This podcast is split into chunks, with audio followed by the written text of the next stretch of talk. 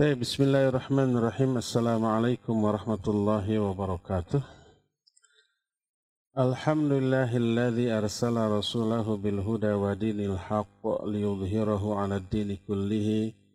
ولو كره المشركون وأشهد أن لا إله إلا الله وحده لا شريك له إقرارا به وتوحيدا وأشهد أن محمدا عبده ورسوله. Ala alihi wa ashabihi wa sallam tasliman mazida wa ba'd. Uh, jamaah yang Allah muliakan, baik para pendengar Radio Tarbiyah Sunnah Bandung, para pendengar beberapa radio lain, para netizen melalui Instagram, Facebook, YouTube, atau medsos lain, Alhamdulillah kembali kita berjumpa melanjutkan bahasan kitab Ad-Da wa Dawa susunan Al-Imam Ibn Qayyim rahmatullahi alaih. Uh, yang kita akan bahas sekarang adalah salah satu bentuk orang yang tidak mengagungkan Allah dengan sebenar-benarnya pengagungan, yaitu orang yang melakukan suatu dosa besar yang sangat keji yaitu zina wal billah. Zina merupakan perbuatan kriminal yang berdampak memberikan kerusakan yang sangat besar. Karena zina merupakan sebesar-besar kerusakan. Dia merusak tatanan alam dalam hal memelihara nasab, memelihara faraj, memelihara kehormatan, dan bisa menimbulkan kebencian dan permusuhan di antara sesama manusia. Umpamanya keluarga e, wanita yang dizinahi tentu saja akan terpukul Eh, psihisnya, pikirannya, perasaannya, harga dirinya, kehormatannya, dan menimbulkan rasa benci, murka, memusuhi lelaki yang menzinahi salah satu anggota keluarganya. Lahir permusuhan, lahir juga kebencian, juga uh, merusak masing-masing pihak beserta keluarga-keluarganya masing-masing. Terusaklah anaknya, putra-putrinya, saudaranya, orang tuanya, kerabat-kerabatnya, dan ini mengandung kehancuran tatanan sosial, maka tak heran apabila zina ini merupakan dosa yang kadar besarnya sedikit di bawah membunuh. Membunuh lebih besar dosanya daripada berzina. Tapi tidak berarti kecil, awas, besar. Walaupun lebih besar dosa membunuh. Oleh karena itu baik Allah dalam Al-Quran ataupun Nabi Wasallam dalam hadisnya yang sahih sering kali mengurutkan, menyandingkan penyebutan dosa membunuh diikuti oleh dosa berzina. Berkata Imam Ahmad rahimahullahu taala kata beliau la a'lamu ba'da qatlin nafsi syai'an a'zama minaz zina. Aku tidak mengetahui ada dosa yang apa dosa setelah membunuh yang lebih besar daripada dosa berzina. Jadi dosa dengan kadar yang lebih besar setelah dosa membunuh adalah dosa karena berzina. Diterangkan oleh Allah dalam beberapa ayat di antaranya surah Al-Furqan mulai 68 sampai ayat 70 tentang ibadur rahman. Salah satu di antara sifat ibadur rahman diterangkan walladzina la yad'una ma'allahi ilahan akhar wa la yaqtuluna an-nafsa allati harrama Allah illa bil haqq wa la yaznun wa man yaf'al dhalika yalqa athama yudha'af adzabu yaumal qiyamah wa yakhlud fihi muhana illa man tab. Kata Allah, Ibadur Rahman adalah orang-orang yang tidak menyeru sesembahan lain selain Allah. Tidak berdoa kepada selain Allah. Tidak beribadah kepada selain Allah. Tidak menyembah kepada selain Allah dan tidak membunuh jiwa yang Allah haramkan kecuali dengan alasan yang benar. Kalau alasannya benar secara syar'i, nggak dosa membunuh. Contohnya apa? Ya contohnya umpamanya merajam.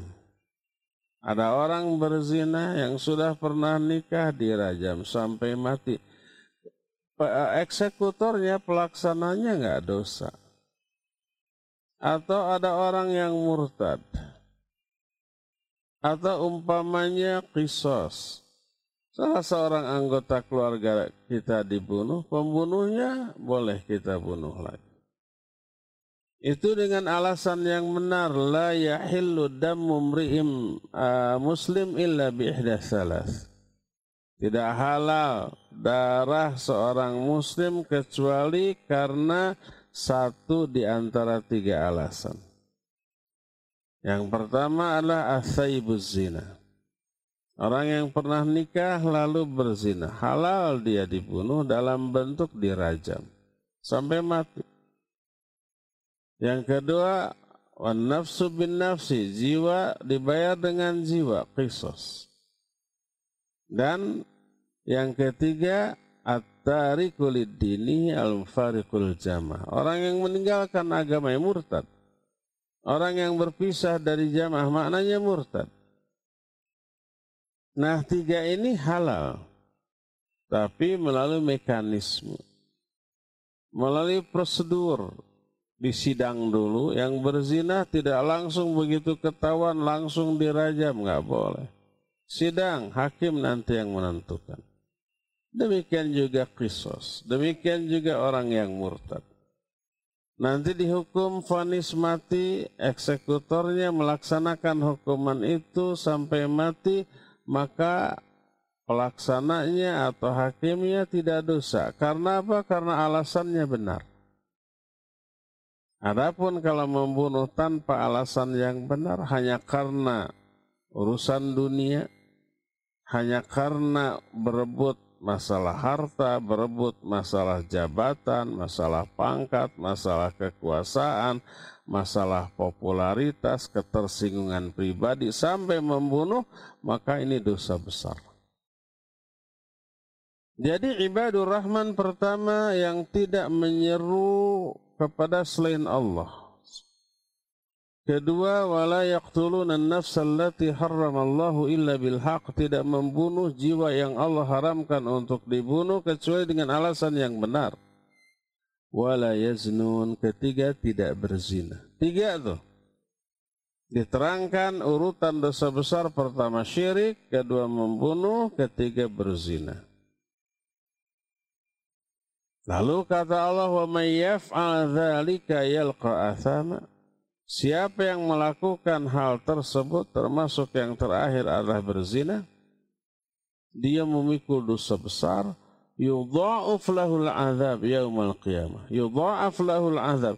Akan dilipat gandakan bagi dia azab pada hari kiamat wa yakhlud fihi muhana. Dia kekal di dalamnya dalam keadaan terhina illa man. Kecuali orang-orang yang taubat dari hal itu.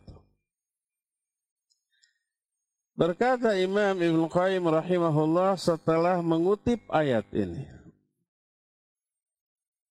Kata beliau, فقرن الزنا بالشرك وقتل النفس وجعل جزاء ذلك الخلود في العذاب, في العذاب المضاعف ما لم يرفع العبد موجب ذلك بالتوبة والإيمان والعمل الصالح dalam ayat tadi Allah menyandingkan, mengurutkan dosa zina dengan syirik dan membunuh jiwa. Lalu Allah menjadikan balasan untuk pelaku perbuatan itu dengan balasan kekal di dalam azab yang dilipat gandakan selama sang pelaku tidak menghapus dosa tersebut dengan tobat, iman, dan amal soleh. Kecuali kalau sudah berbuat kemudian bertobat, beriman, beramal soleh baru terhapus. Kata Allah, illa man taba wa amana wa amila soliha. Kecuali kalau orang tobat, beriman dan beramal soleh baru terhapus. Kalau enggak, maka dia enggak terhapus, terkena ancaman dosa besar, dilipat gandakan azab pada hari kiamat bagi orang itu dan kekal dalam keadaan terhina di dalamnya. Dalam ayat lain surah Al-Isra ayat 32 Allah menyatakan wala taqrabuz zina Innahu kana fahishatan wa sabila. Jangan kamu dekati zina. Jadi jangankan melakukannya, mendekati pun tidak boleh. Makanya langkah awal untuk menuju ke arah zina sudah Allah haramkan. Sejak mulai pandangan, Perbuatan zina kan berawal dari langkah yang paling ringan memandang atau melirik. Setelah memandang atau melirik lalu muncul pikiran buruk, kotor, jorok, porno gitu. Lalu baru omongan, rayuan, gombalan. Baru melangkah lalu baru berbuat. Semuanya itu langkah-langkah yang mendekatkan diri pada zina sudah dilarang. La taqrabu zina.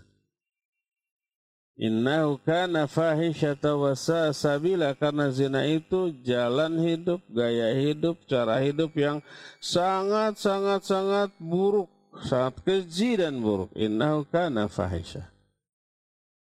Perbuatan zina adalah perbuatan yang sangat keji, wasa sabila dan jalan hidup gaya hidup yang buruk. Makanya karena ada larangan mendekati zina, seluruh hal yang menuju ke sana haram. Dua-duanya, laki atau perempuan. Untuk laki Allah menyatakan qul lil mu'minin yaghuddu min absarihim. Katakan kepada orang mukmin tundukkan pandangan.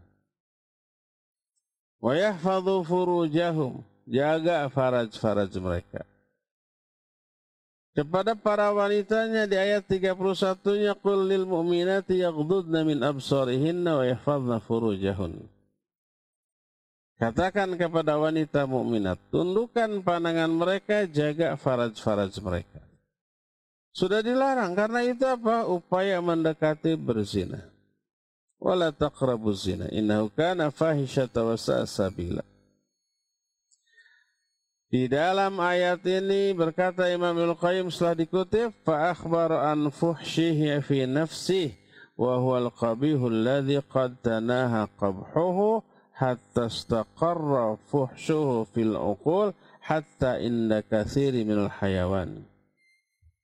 Dalam ayat ini Allah mengabarkan tentang kekejian zina itu sendiri. Keburukannya merupakan puncak keburukan sampai keburukannya terfahami, terakui oleh semua akal manusia, bahkan juga hewan. Hewan menganggap perzinahan perbuatan yang buruk. Sehingga dalam kitab Sahih Bukhari, sebuah hadis riwayat dari Amr bin Maimun, dia berkata, Ra'aitu fil jahiliyah qirdan. Zana biqirdah. Fajtama al-qurud alaihima farajamuhuma hatta mata. Aku melihat ketika di zaman jahiliyah sebelum dia masuk Islam, aku melihat ada seekor kera monyet yang lelaki apa monyet lelaki itu namanya jantan berzina dengan seekor monyet perempuan. Ketahuan oleh monyet-monyet lain. Maka berkumpullah para monyet mengelilingi kedua monyet yang berzina itu. Lalu mereka merajam kedua monyet yang berzina itu sampai kedua-duanya mati. Monyet saja sudah menganggap itu super buruk loh. Padahal mereka tidak berakal. Cuma punya insting, punya naluri. Sudah menganggapnya buruk. Apalagi orang berakal. Gaya hidup yang apa diwarnai oleh perzinahan seperti yang diterapkan oleh negara-negara kafir asal suka sama suka gapuk kayak binatang gitu itulah gaya hidup yang sangat keji dan jalan hidup yang seburuk-buruknya. Lalu Allah Azza wa Jalla mengabarkan pula salah satu di antara keburukan perzinahan adalah bahwa itu gaya hidup yang buruk. Selain keji, juga gaya hidup yang buruk. Jalan hidup yang sangat jelek. Innahu kana fahishatan wasa'a sabila. Perzinahan itu sebuah fahisyah, keji, dan jalan hidup yang sangat buruk. Kenapa? Karena itu jalan hidup, cara hidup yang membinasakan, yang menghinakan, yang membuat orang itu rendah di dunia dan jalan hidup yang menuju kepada azab dan kehinaan yang abadi di akhirat nanti. Atau jangankan berzina, menikahi mantan istri ayahnya sendiri ini sudah terlarang. Kalau umpamanya ayah kita memiliki beberapa istri selain ibu kita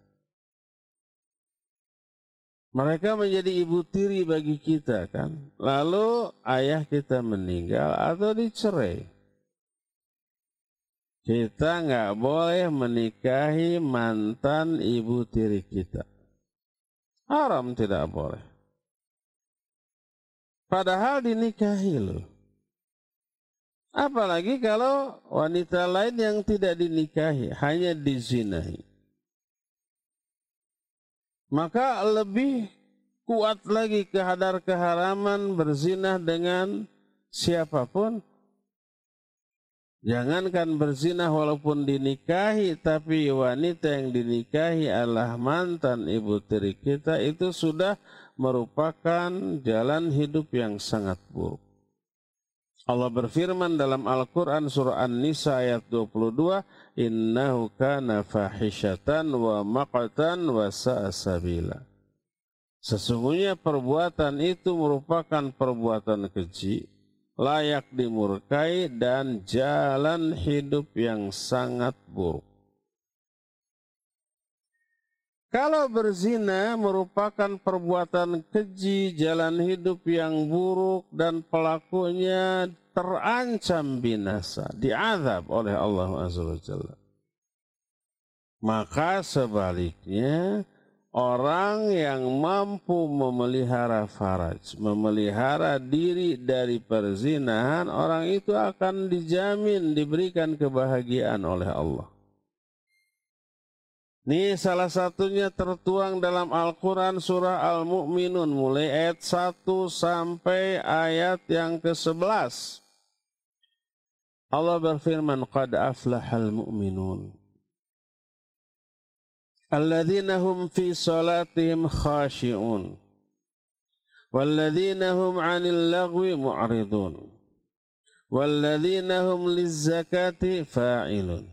والذين هم لفروجهم حافظون إلا على أزواجهم أو ما ملكت أيمانهم فإنهم غير ملومين فمن ابتغى وراء ذلك فأولئك هم العادون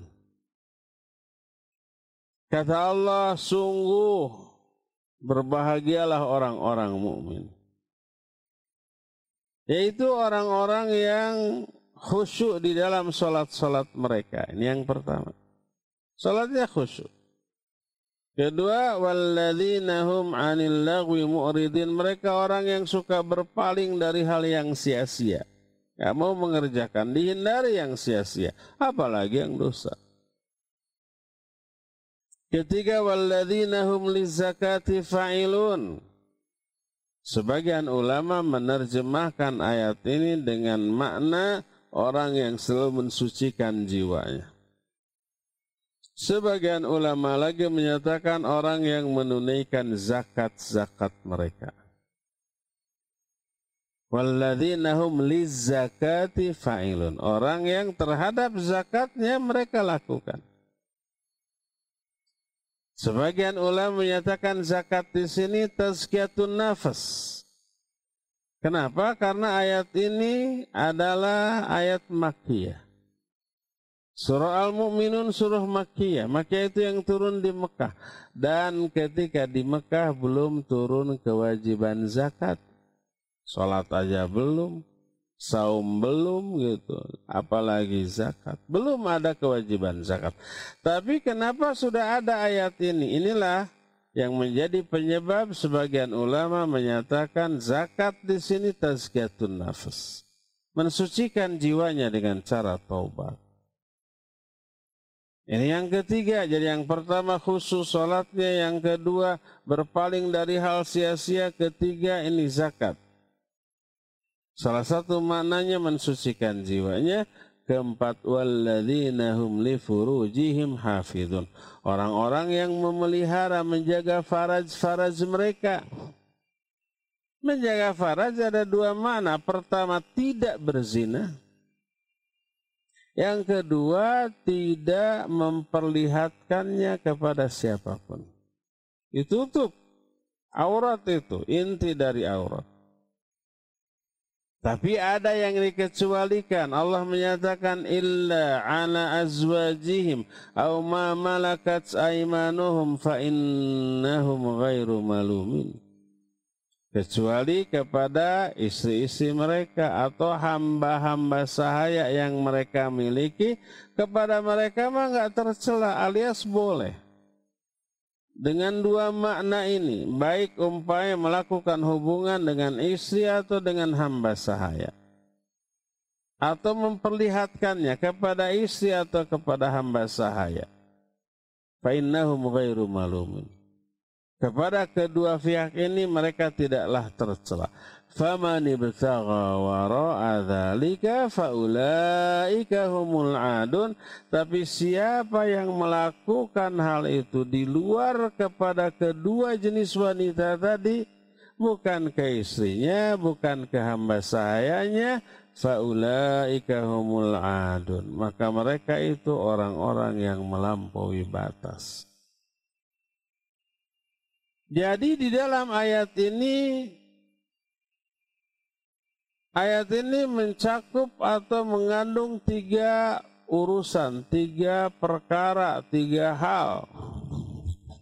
Apa saja ketiga hal itu?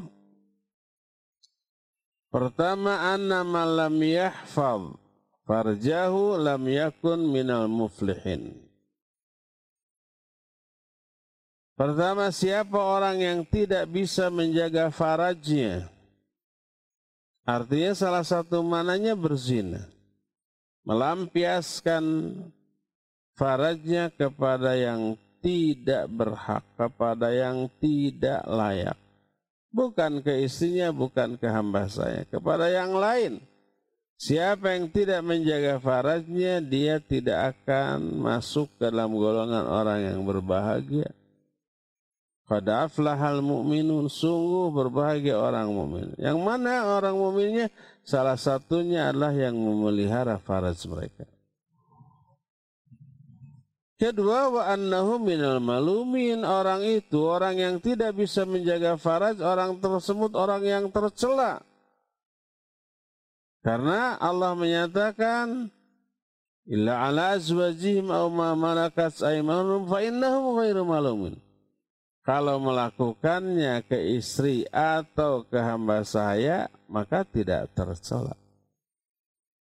menunjukkan kalau di luar kepada istri selain kepada hamba sahaya lalu dilampiaskan maka tercela mereka. Yang ketiganya wa minal adin. Orang itu termasuk adin. Faulaika humul adun. Adun itu melanggar batas syariat. Ini tiga nih. Jadi yang pertama luput atau hilang kebahagiaan dari dirinya. Yang kedua, dia melewati batas. Yang ketiga, dia terjerumus ke dalam ketercelaan. Sebanding dengan itu atau penjelasannya selaras dengan itu adalah penjelasan yang terdapat dalam Al-Quran surah Al-Ma'arij mulai ayat 29 sampai 31. Isi Al-Ma'arij dengan isi Al-Mu'minun ayat 1 sampai 11 itu mirip-mirip. Allah berfirman dalam surah Al-Ma'arij, bahwa innal insana khuliqa halu'a. Idza massahu syarru jazua wa idza massahu khairu manu'a illa al musallin. Alladzina hum ala salatihim daimun.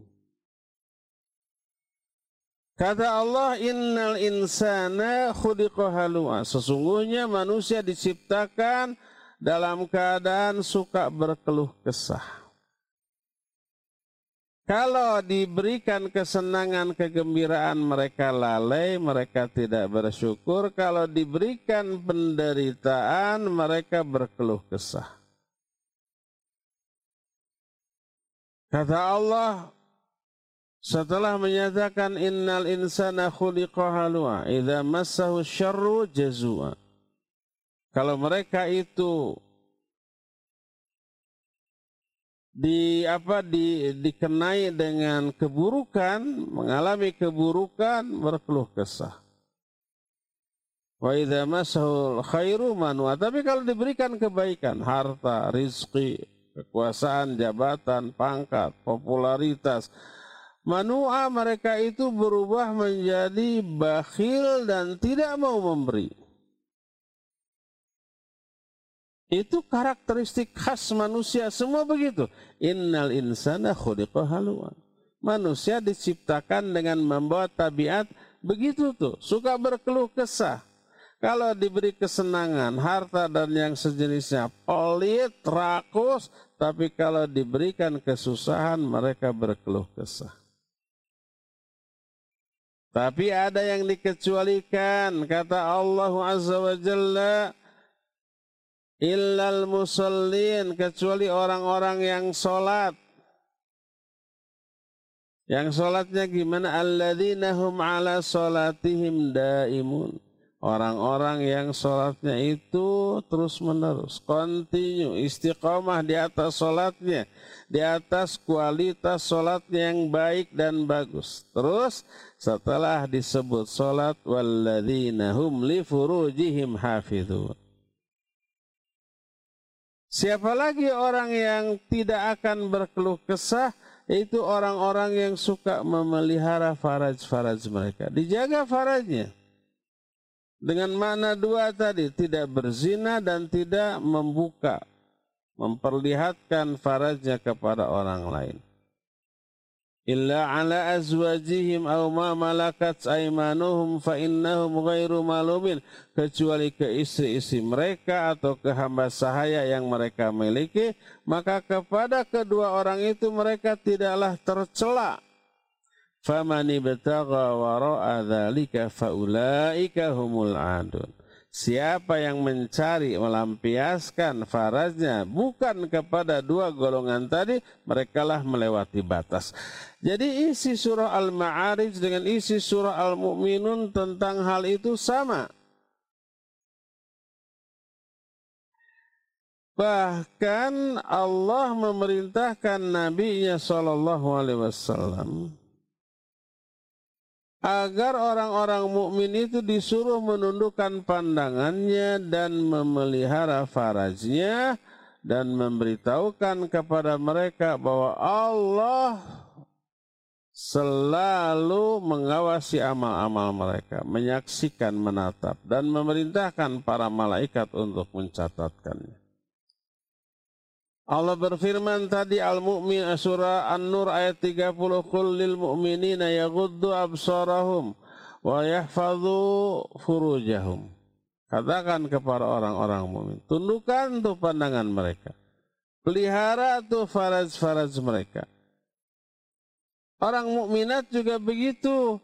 Tundukkan pandangan mereka, jaga faraj, terus jaga aurat. Wal yadribna bi khumurihinna ala juyubihinna. Dan hendaklah para wanita mengulur, mengulurkan kain kerudung dari kepala sampai menutupi dada. Jangankan memperlihatkan auratnya, memberitahukan bahwa di gelang kakinya ada perhiasan aja tidak boleh. Ada wanita yang suka memakai perhiasan di pergelangan kaki. Bahasa Arabnya namanya khal-khal, gelang kaki. Bahasa Sunda namanya gengge, gelang kaki. Bahasa Indonesianya saya tidak tahu apa istilahnya. Pokoknya gelang yang dipakai di kaki terbuat dari emas. Kaki itu tertutup, tidak kelihatan. Jadi orang-orang tidak tahu bahwa wanita itu punya gelang kaki. Karena tertutup oleh pakaian. Tapi mereka ingin orang-orang tahu bahwa dia pakai gelang. Akhirnya apa yang terjadi? Maka dihentak-hentakan kakinya ketika melangkah. Akibatnya timbul bunyi-bunyian akibat berbenturan bersentuhannya gelang-gelang kaki yang dipakai. Jadi kalau dihentakkan bunyi kring kring kring gitu kayak sepeda.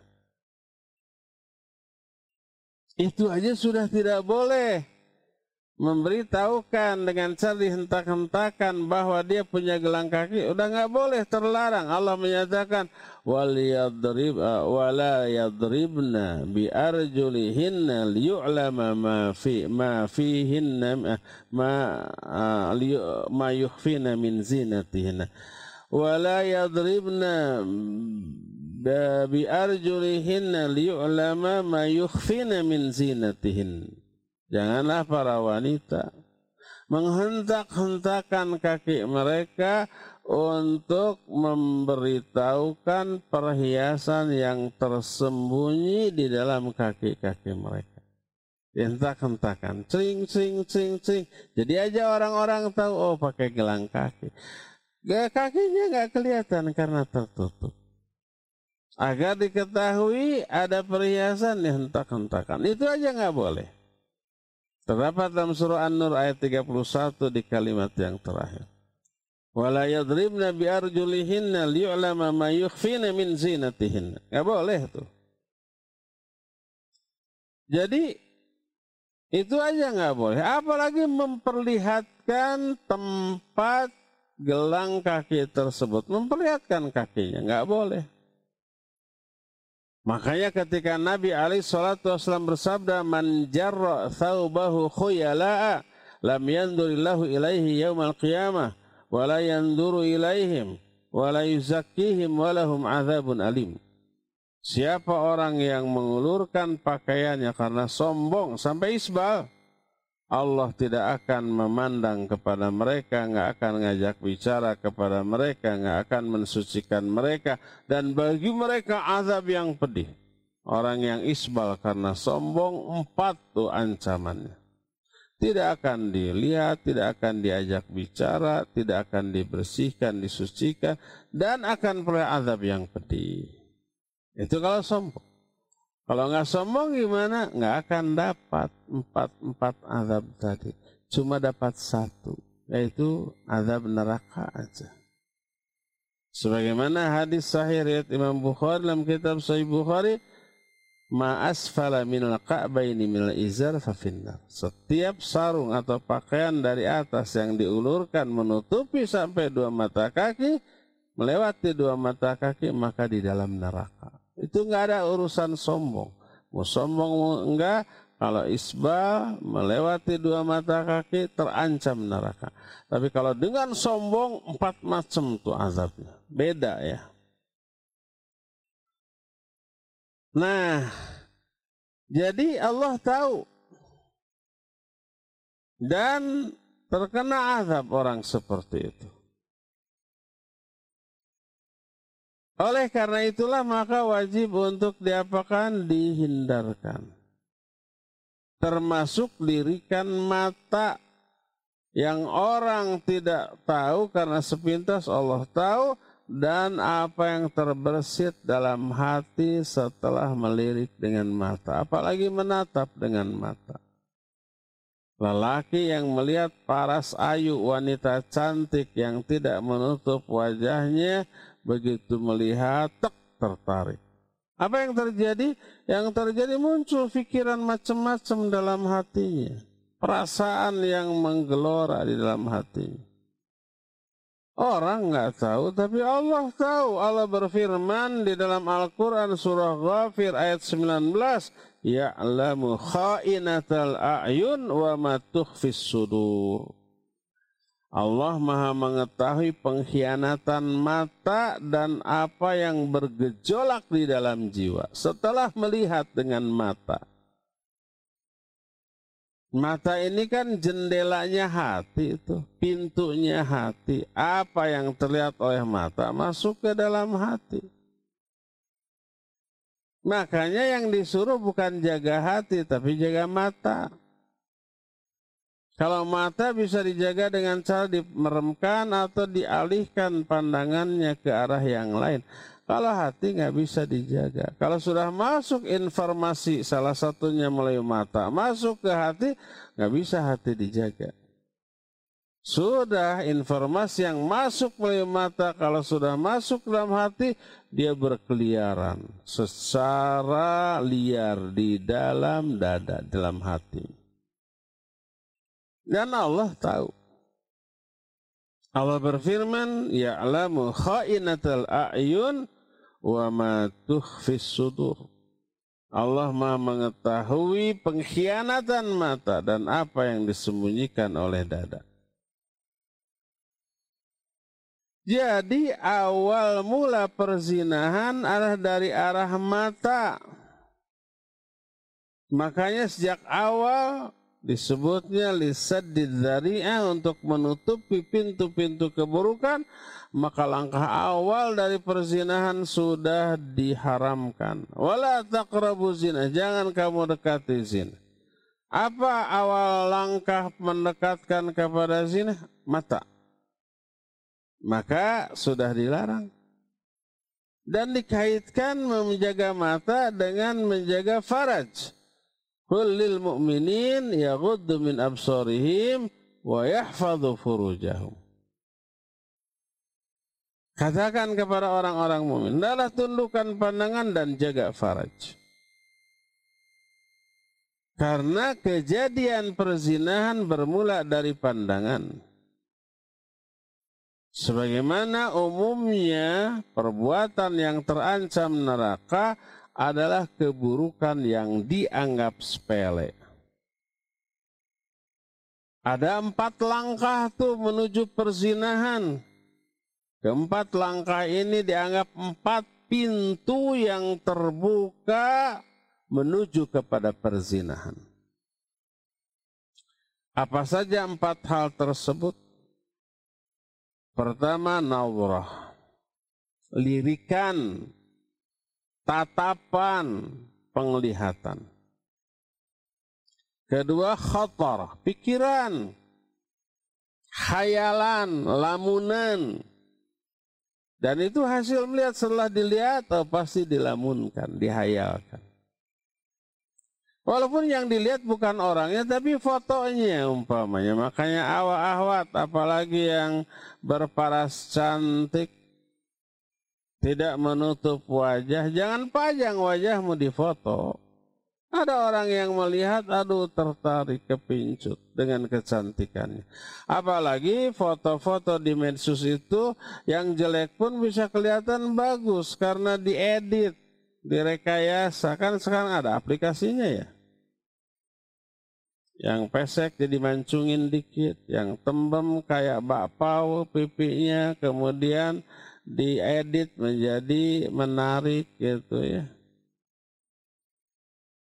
bibirnya yang tebal kayak kue odading jadi ditipiskan gitu. Giginya yang tanya karehol jadi diluruskan. Matanya yang bolotot jadi diindahkan. Belum aja menjadi bagus di fotonya. Tanpa merubah wajahnya. Maka orang yang melihat jadi kepincut tertarik. Setelah melihat apa yang terjadi muncul pikiran macam-macam. Menghayal melamun membayangkan macam-macam. Jadi pertama nadrah yang kedua khatarah. Yang ketiga khutwah. Keempat khatiyah. Khutwah itu melangkah Maka ada lagi yang menyatakan man hafidha hadil arba'ah ahrazadinah. Siapa orang yang mampu menjaga empat pintu maksiat ini dijaga, jangan sampai terbuka. Harus selamanya tertutup. Siapa yang menjaga keempat hal ini, dia akan bisa menjaga agamanya. Apa keempat ini? Pertama adalah lahawat, lirikan. Tatapan, matanya tuh, jaga mata tuh. Jangan sampai ada wanita yang keluar rumah dan dan cantik dengan aurat terbuka, ada lelaki yang melihat melotot, dia ngambek ngomong, "Mas, jaga tuh matamu." Orang lain disuruh jaga mata, dia tidak di tidak menjaga aurat nggak imbang. Nggak adil orang lain disuruh menjaga mata, apa yang harus dilihatnya dia buka. Kalau memang ingin mata orang-orang terjaga, ya jangan terbuka, tutup. Siapa yang menjaga keempat perkara ini berarti dia bisa menjaga agamanya. Pertama lahawat, lirikan, tatapan, pandangan. Kedua khatarat, pikiran, hayalan, lamunan, bayangan. Keempat lafazat, omongan tuh. Omongannya porno, omongannya uh, kotor, jorok, omongannya mesum, rayuan, godaan, yang sejenisnya dan yang keempatnya khutuat langkah. Sekarang ini rayuan tidak hanya berupa ucapan tapi bisa berupa tulisan. Apalagi ada japri ya ada jalur pribadi. Ada orang lain nggak tahu cuma dia dan yang bersangkutan yang tahu. Dipuji setinggi langit. Perempuan dapat pujian melamung tuh. Serasa terbang, fly, walaupun tubuh gajang-jang. Tersanjung dia. Kalau sudah tersanjung, sudah. Pasrah dia. Maka hendaklah setiap hamba mengadakan penjaga di empat pintu yang berbahaya ini dan selalu meronda secara ketat agar keempat pintu tersebut tidak dimasuki. Pintu pertama, pintu mata jaga mata nih. Jangan sampai melihat, memandang, melirik hal-hal yang memberi informasi yang buruk kepada hati. Yang membuat hati nanti akan menghayal dengan hayalan yang buruk. Jaga mata yang pertama, yang kedua juga jaga pikiran, jangan mengumbar pikiran ke arah yang kotor-kotor, yang mesum-mesum, yang porno-porno, yang buruk-buruk. Ketiga jaga omongan, lafaz, jangan meluncur dari mulut kita kata-kata rayuan, gombalan yang membuat para wanita menjadi fly karenanya, tersanjung. Dan yang keempat jaga kaki. Jangan sampai dipakai melangkah ke arah yang terlarang. Ini termasuk ke dalam ayat la taqrabu zina wa la taqrabu zina. Jangan kamu dekati zina. Sejak mulai pandangan, kemudian pikiran, kemudian ucapan, baru yang kemudian langkah kaki. Baru setelah kaki melangkah ke arah orang yang dikehendakinya dan orang yang dikehendakinya sudah terbuai. Sudah fly tadi, sudah terbang, melayang-layang, barijeng jang, sudah pasrah sudah. Jaga keempat itu. Siapa yang menjaga keempat ini, dia akan bisa memelihara agamanya. Inilah penjelasan tentang apa? Tentang bahayanya berzina. Nah, ada empat pintu yang wajib dijaga karena keempat pintu itu adalah empat pintu masuknya kemaksiatan. Jaga apa saja keempat pintu itu itu insya Allah kita akan jelaskan di pertemuan yang akan datang.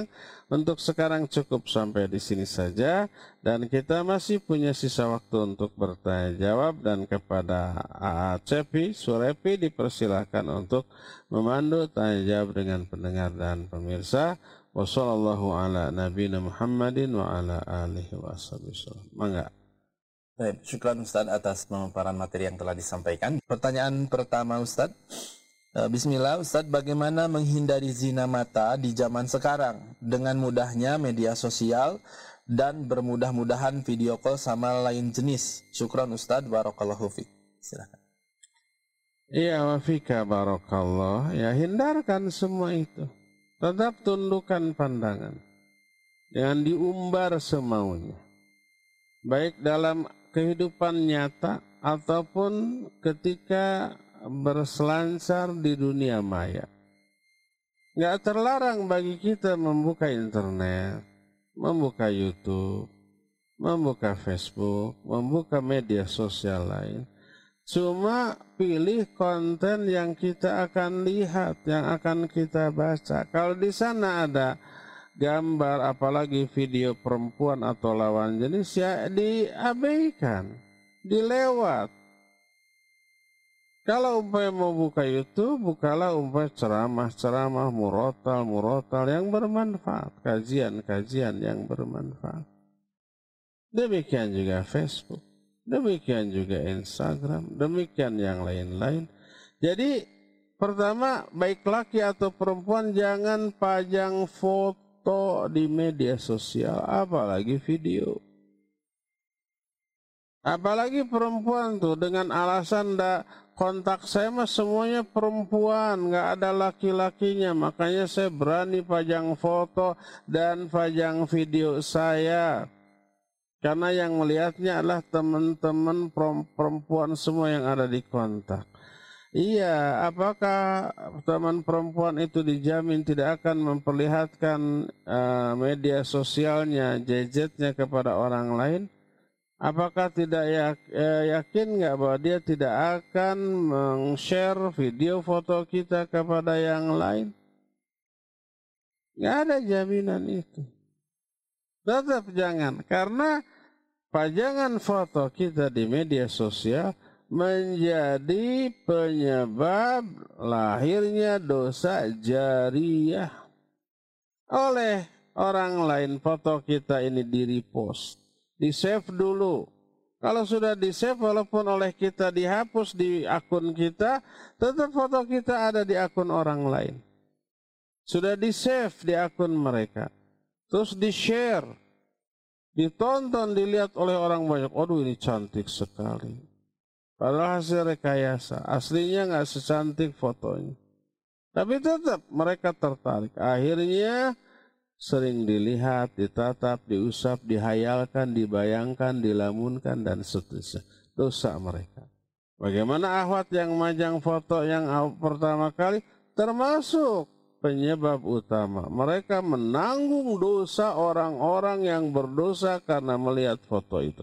Jadi ya, Bersabda Rasul sallallahu alaihi wasallam dalam hadis sahih riwayat Imam Muslim, "Man sanna fil Islam sunnatan sayyi'atan, fa alaihi wizruha wa wizru man amila biha."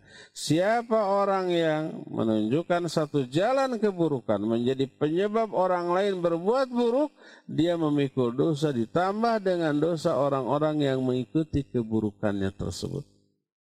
Kita pajang foto, Sepuluh orang melihat, menghayal, mereka berdosa, yang majangnya ikut berdosa. Sepuluh orang itu nge-share lagi foto ini ke sepuluh orang lagi masing-masing. Ada seratus orang ikut berdosa. Dosanya juga mengalir ke uploader pertama dari foto itu. Terus begitu. Jariah tuh. Ya. Jadi boleh kita membuka internet, tapi pilih-pilih konten yang kita lihat. Kalau ada foto perempuan lawan jenis apalagi videonya dilewat. Jangan ditampakkan ya. Pilih konten yang bermanfaat yang bisa membersihkan kekotoran hati kita. Itulah yang harus kita lakukan. Allah Silakan lagi. Syukran Ustaz atas jawabannya. Pertanyaan selanjutnya dari Putra di Bandung. Beliau bertanya, Ya, yang pertama, hukuman razam buat orang yang sudah pernah nikah itu dicambuk dulu 100 kali baru dirajam atau langsung dirajam tanpa dicambuk Ustadz. Dan yang kedua, apa hukuman yang tepat dalam Islam yang hendaknya ditegakkan oleh ulil amri terkait kasus pemerkosaan? Apakah dibunuh, dikebiri, atau bagaimana Ustadz? Syukran jazakumullahu khairan. Silahkan. Ya, afan wa jazakillahu khairan.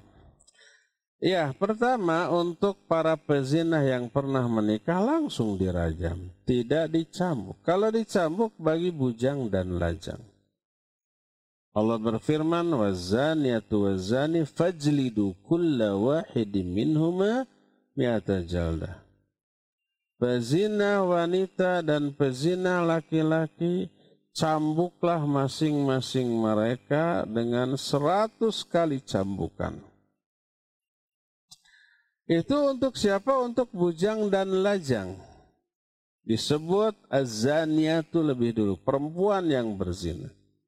Perempuan disebut lebih dahulu daripada laki-laki. Karena umumnya terjadinya perzinahan karena tantangan pancingan dari perempuan. Kenapa laki-laki itu berminat? Menzinahi perempuan. Karena tertarik. Kenapa tertarik? Karena melihat. Kenapa bisa dilihat? Karena bisa dilihat terbuka auratnya, daya tariknya terbuka. Maka disebut wanita pertama kali wazaniatu wazani. Adapun kalau sudah apa namanya menikah baik masih punya pasangan ataupun sudah janda duda maka ayatnya bukan itu tapi wasaikhatu wasaikhu Maksud syekh di sana yang sudah menikah. Baik masih punya pasangan atau sudah janda atau duda. Walaupun lafaz ayat ini sudah mansuh. Lafaznya. Tapi hukumnya tetap berlaku. Dan dilaksanakan oleh Nabi dan para sahabat. Jadi kalau dicambuk di jilid itu untuk bujang dan lajang belum pernah merasakan pernikahan lalu berzina dicambuk baik mati ataupun tidak. Sampai para ulama ikhtilaf bagaimana kalau belum seratus kali sudah mati. Jadi hukuman cambuk itu pengurang dosa dari berzinahnya. Makanya kalau orang itu belum seratus kali baru lima kali jeger, jeger, jeger, mati gitu. Atau kadang-kadang baru diangkat cambuknya mati karena penyakit jantungnya kumat, belum dicambuk, sudah mati. Apakah harus dilanjutkan? Seratus kali Sebagian ulama menyatakan, ya walaupun dia mati cambuk seratus kali, walaupun sudah mati. Karena itulah ketentuan Allah. Sebagian ulama menyatakan, yang lain lagi menyatakan kalau sudah mati ya udah. Percuma diteruskan. Karena dia tidak lagi merasakan. Nah, walhasil ini ikhtilaf. Jadi kalau ada bujang dan lajang berzinah dan ketahuan, maka dicambuk. Kalau sudah seratus kali dicambuk ternyata masih hidup ya sudah biarkan. Biarkan mereka bertobat seumur hidup mereka. Adapun kalau yang pernah menikah kemudian berzina langsung dirajam sampai mati tanpa harus diapakan dulu, tanpa harus dicambuk terlebih dahulu. Itu pertama, ada dua tadi apa satu lagi? Eh, yang selanjutnya hukuman apa untuk berzina. Ah, ulil amri, bagaimana hukuman bagi pemerkosa dibunuh. Kalau yang berzina suka sama suka aja dibunuh sampai mati. Kalau sudah pernah menikah. Nah ini pemerkosa, dibunuh dia ya dibunuh. Hukumannya lebih berat daripada berzina. Karena ada dua keburukan. Yang pertama, melanggar hak orang. Yang keduanya ada persamaannya dengan perbuatan zina. Yaitu pelampiasan syahwat kepada yang bukan hak. Siapa yang dibunuh pemerkosanya. Adapun korban yang diperkosa dia ya korban. Dia tidak berdosa. Dan tidak dihukum apa-apa. Itu ya. Yang dihukum hanyalah siapa? Pemerkosanya saja. Wallahu a'lam bishawab. Silakan lagi. Syukran Ustaz atas jawabannya. Pertanyaan selanjutnya. Eh, Bismillah, Assalamualaikum eh, warahmatullahi wabarakatuh. Afan Ustadz izin bertanya, bagaimana bila Ana sudah menundukkan pandangan dengan bapak-bapak di tempat tinggal Ana, tetapi malah dibilangnya sombong? Lalu bagaimana solusinya ya Ustadz? Syukran wazakallahu khairan dari Lupi Umu Safwa di Cilegon. Silakan. Iya. Barakallahu fiik. Ya, itu resiko dari kebenaran. Awal mulanya pasti mengundang reaksi negatif. Jangankan perempuan atau kan tadi perempuan yang nanya, laki-laki aja. Kita tidak pernah melihat umpamanya akhwat apalagi bersalaman. Kalau ngobrol tunduk atau uh, mengarah ke arah yang lain. Semua orang mengejeknya dengan berbagai macam istilah nggak sopan kayak ya sombong kayak atau nggak manusiawi ini ngobrol dengan batu atau dengan angin kok orangnya saling membelakangi itu resiko dari sebuah kebenaran nggak masalah ngobrol laki dengan perempuan nggak masalah boleh Nabi SAW aja suka ditanya oleh perempuan dan beliau tidak menghindar. Tapi jaga mata, jaga juga ucapan. Tidak menatapnya.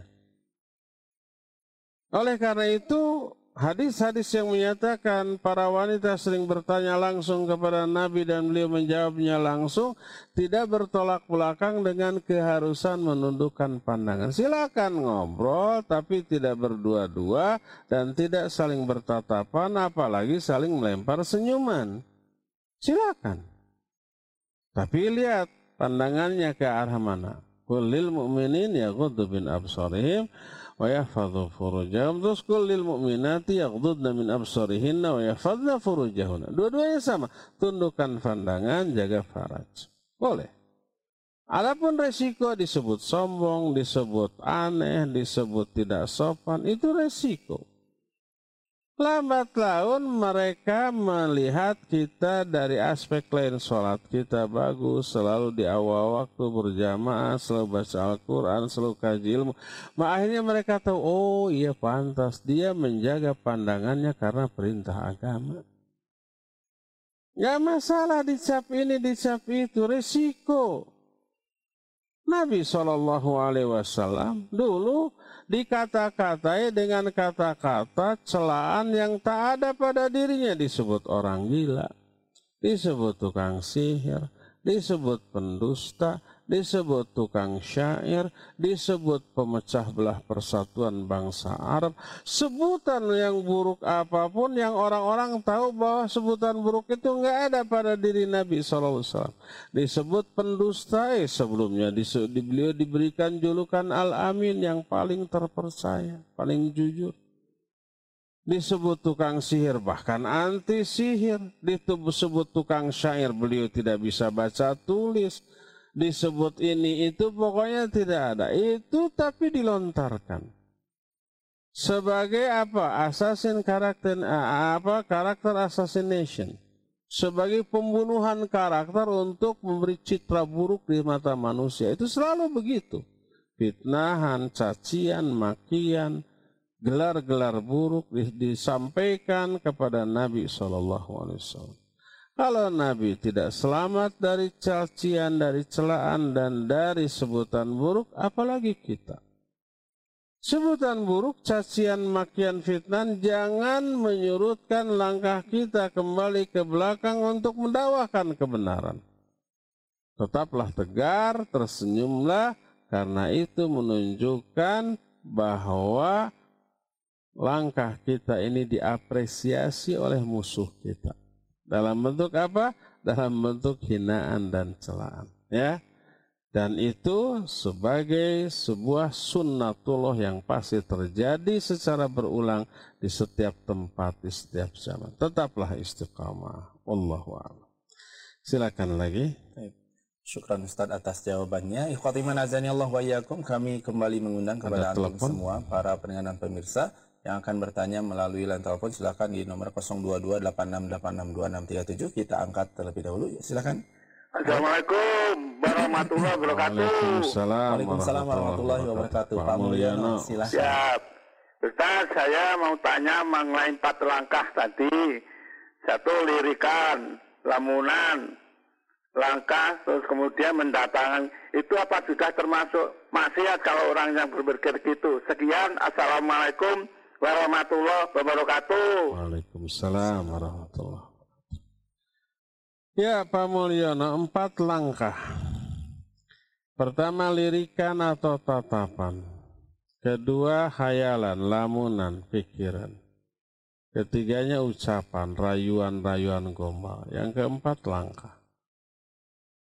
Apakah itu semuanya maksiat? Iyalah maksiat, durhaka. Karena semua itu dari awal langkah dari mulai tatapan saja sudah dilarang.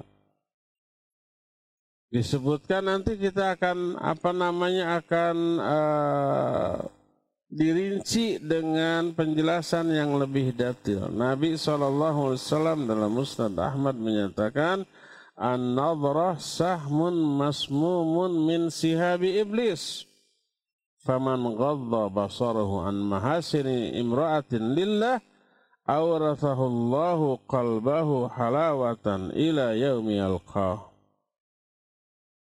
Pandangan adalah salah satu anak panah beracun dari anak panah iblis. Kata iblis, kalau aku sudah membidik, membidikkan anak panahnya, nggak pernah meleset akan kena itu. Jadi pandangan salah satu anak panah beracun di antara anak panah iblis. Siapa orang yang menundukkan pandangannya dari kecantikan seorang wanita karena Allah. Dia tundukkan karena apa? Karena Allah yang merintahkan. Allah akan mewariskan ke dalam hati lelaki seperti itu manisnya iman yang akan dia rasakan sampai hari kiamat. Makanya berkata Nabi Shallallahu Alaihi Wasallam dalam hadis riwayat Imam Ahmad Al Hakim Ibnu Majah dan yang lain-lain kata beliau wudhu absarakum wahfadhu furujakum tundukkan pandanganmu dan pelihara faraj-farajmu jadi ada larangan dalam Al-Quran, ada larangan dalam hadis, ada ancaman, ada warning, peringatan. Kalau ini semua dilanggar ya dosa, maksiat. Jadi mengumbar makanan, mas, makanan, mengumbar pandangan adalah maksiat. Terus dilanjutkan dengan menghayal, melamun, membayangkan juga maksiat. Juga kemudian dilanjutkan dengan rayuan, usapan-usapan gombal juga maksiat. Semakin mendekati kepada uh, poin perzinahan semakin gede kadar maksiatnya. Jadi semuanya itu merupakan kemaksiatan kepada Allah yang wajib dijauhi dan bila sudah kadung terjerumus wajib untuk ditobati. Allahu a'lam. Silakan lagi. Syukran Ustaz atas jawabannya. Pertanyaan selanjutnya dari Bapak Yana di Citunjung. Yana Abu Ahmad di Citunjung. Assalamualaikum warahmatullahi wabarakatuh.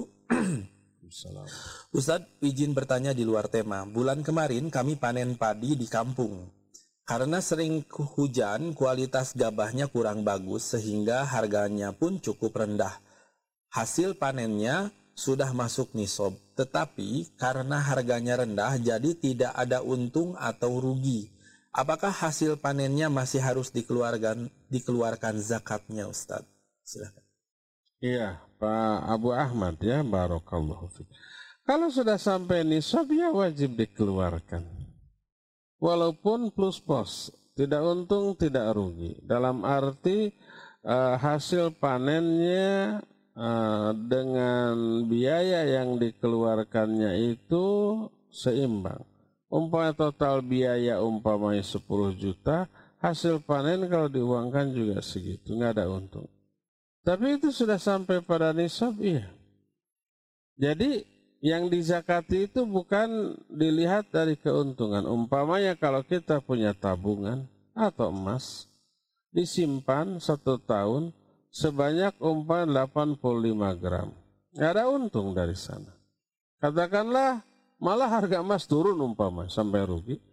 Tetap karena sudah terpenuhi dua syarat. Ya haul satu tahun, ya nisab, batas minimal dari jumlah harta yang harus dizakati, tetap wajib keluarkan zakatnya 20 setengah persen dari simpanan baik emas ataupun uang. Walaupun tidak ada untung, ya tidak bertambah emas itu. Baik harganya, apalagi timbangannya. Malah mungkin saja turun. Harganya mungkin turun suatu saat. Terus eh, apa namanya timbangannya tak musta, mustahil surut mungkin.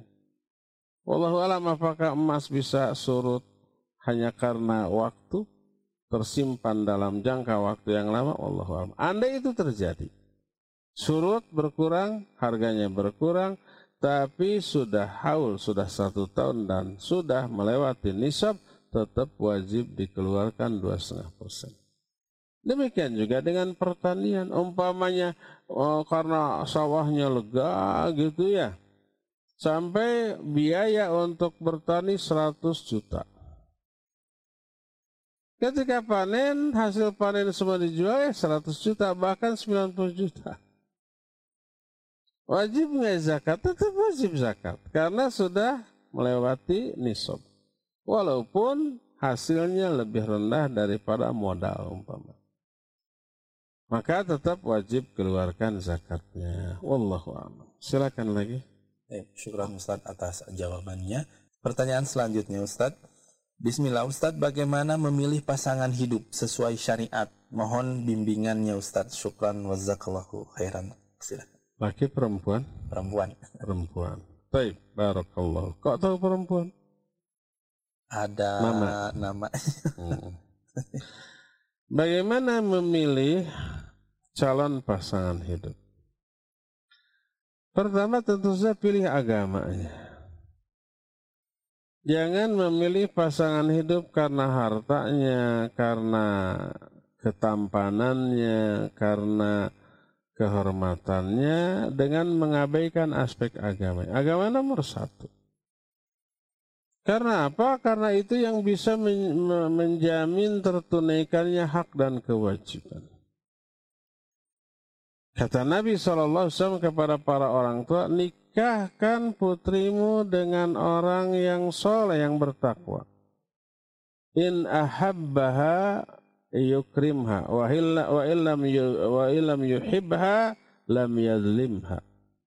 Nikahkan putrimu dengan orang yang bertakwa. Karena kalau dia mencintai putrimu, dia akan memuliakan putrimu.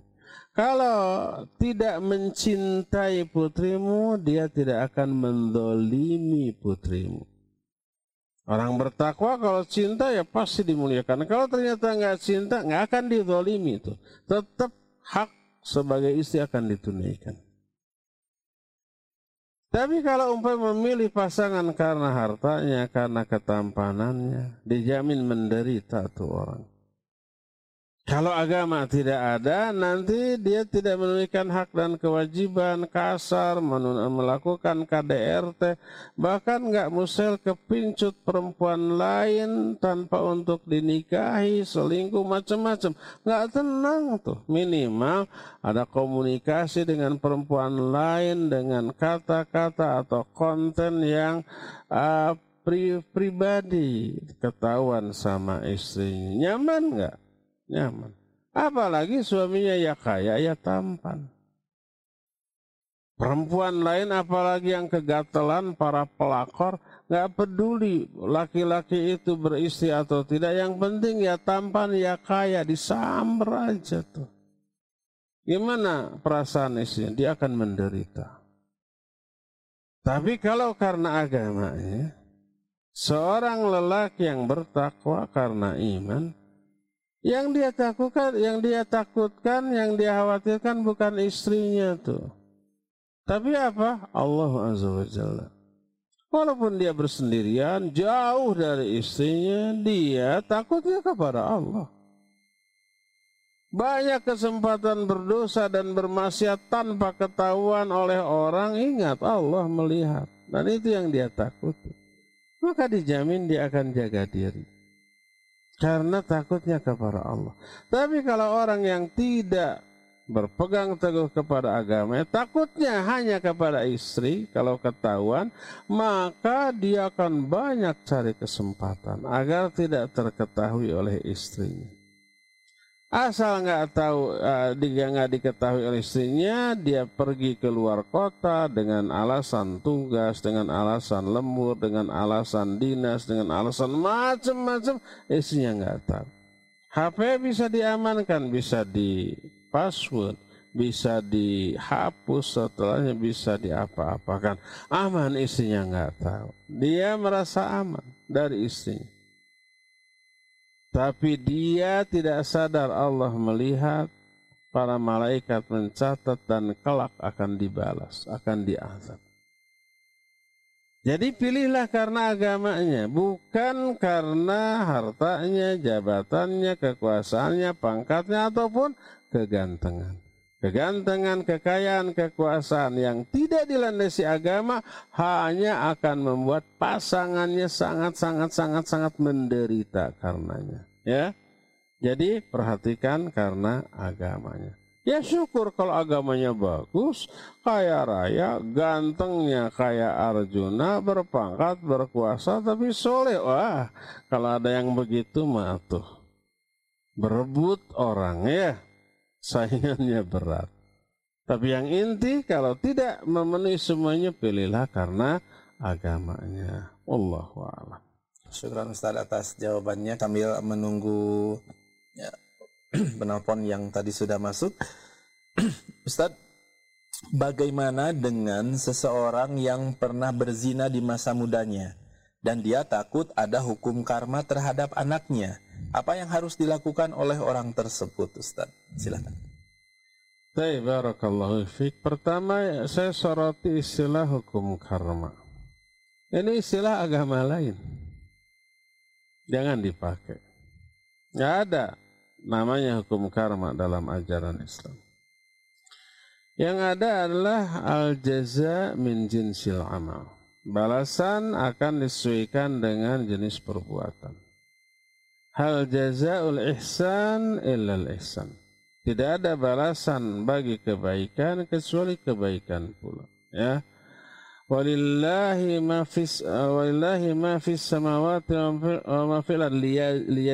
Liyajziyal ladzina asa'u bima amilu wa yajziyal wa yajziyal ladzina ahsanu bil husna.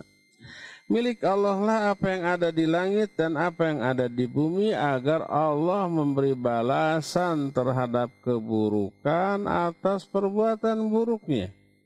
Diberi keburukan dan Allah akan memberikan balasan atas kebaikan dengan kebaikan juga. Itulah nas ayat dan hadis bahwa setiap perbuatan baik yang baik ataupun yang buruk pasti akan dibalas. Tapi jangan diistilahkan hukum karma. Andai seseorang pernah berzina waliyadzubillah di masa lalu, apa yang harus dia lakukan? Wajib tobat. Apakah akan menurun kepada anaknya? Tergantung. Bagaimana caranya agar tidak menurun ke anaknya? Ya pertama kita wajib bertobat dengan sebenar-benarnya tobat. Berhenti dari perbuatan keji tersebut. Terus menyesal, terus bertekad tidak kembali. Memperbaiki pergaulan, gaya hidup, ya. Jangan menerapkan gaya hidup hedonis, para hedonis. Para hedonis itu orang yang mempertuhankan segala macam kenikmatan Kenikmatan itulah Tuhan, kata dia. Itu prinsip hedonis. Jadi dia mengejar kenikmatan dan kemewahan dunia. Dan menerapkannya dalam kehidupan, memamerkannya di hadapan orang. Dengan bangga dia memamerkan, memperlihatkan barang-barang mahal yang branded. Bajunya aja ratusan juta sepatunya tasnya juga ratusan juta saya nggak kepikiran ada ada tas kecil perempuan harganya 500 juta tuh ya entah terbuat dari apa lebih mahal daripada mobil tapi mereka menenteng tas itu dengan bangga karena apa karena mereka hedonis memegang prinsip setiap yang nikmat itulah Tuhan itu ya yang dicari. Nah, jadi ketika orang umpamanya sudah terjerumus ke dalam persinahan. Wajib tobat, berhenti, menyesal, bertekad tidak kembali, ubah gaya hidup. Ubah orientasi hidup ubah pergaulan yang menyebabkan dia dulu pernah terjerumus dalam perzinahan karena gaul dengan siapa di lingkungan kayak bagaimana hindari. Nah, terus ke anak-anaknya didik anak-anak dengan pendidikan agama. Agar mereka itu memiliki akidah yang kuat, tauhid yang lurus, akhlak yang mulia, takut kepada Allah Azza wa Jalla, dalam segala keadaan sehingga dia menjauhi semua maksiat. Jangankan berzina nanti. Natap perempuan aja nggak akan mau. Jangankan umpah bersalaman berdua-dua di tempat sepi dengan yang bukan mahramnya dia nggak akan mau tanamkan pendidikan agama sedini mungkin sekuat mungkin kepada anak sehingga anak tidak berani berbuat dosa sekecil apa pun apalagi segede zina Apakah akan menurun? Ya kalau pendidikannya bagus tidak, tidak akan menurun. Ya, asal sekali lagi segera bertobat kepada Allah Azza ya. Cukup ya sampai di sini saja waktunya sudah mencukupi. Nanti insya Allah kita akan lanjut ke uh, pembahasan berikutnya di hari Senin yang akan datang. Subhanakallahu bihamdik asyhadu an la ilaha illa anta astaghfiruka wa atubu ilaik. Walhamdulillah rabbil alamin. Wassalamualaikum warahmatullahi wabarakatuh.